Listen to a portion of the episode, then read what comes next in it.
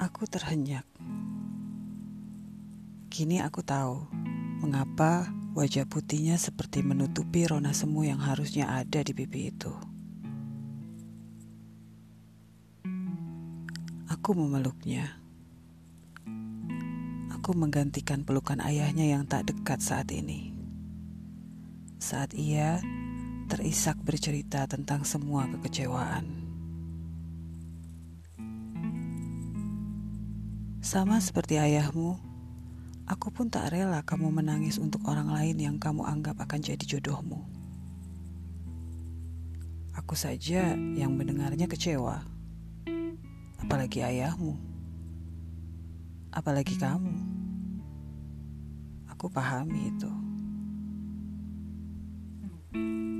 Jika ia yang kamu kenal dulu telah berubah karena panggung dunia, seharusnya itu tanda bahwa dia bukan imam yang bisa membawamu ke surga akhirat. Betul kan?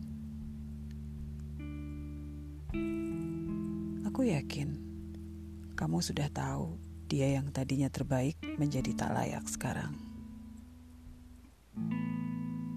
Hati kecilmu pun tahu itu.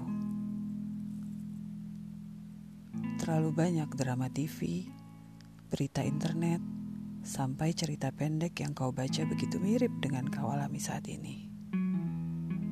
Iya kan? Tapi luka di hati kamu ini kan sungguhan kamu rasakan. Dan itu memang terasa hingga lama. Hingga hari ini. Kamu masih berharap ialah yang dikirim untukmu. Seharusnya tiga tahun cukup meyakinkanmu itu.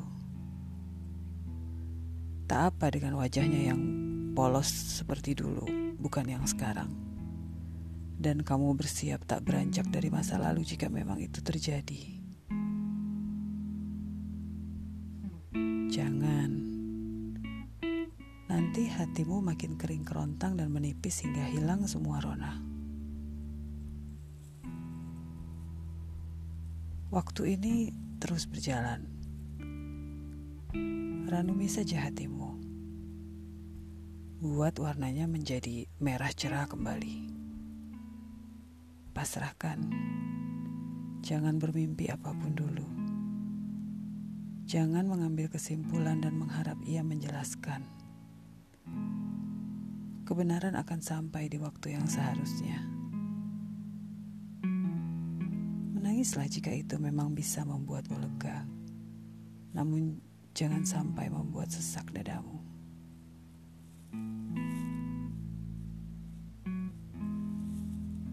Percayalah, jika memang ia pantas jadi imammu, ia akan datang saat tak ada lagi pecahan luka di hatimu.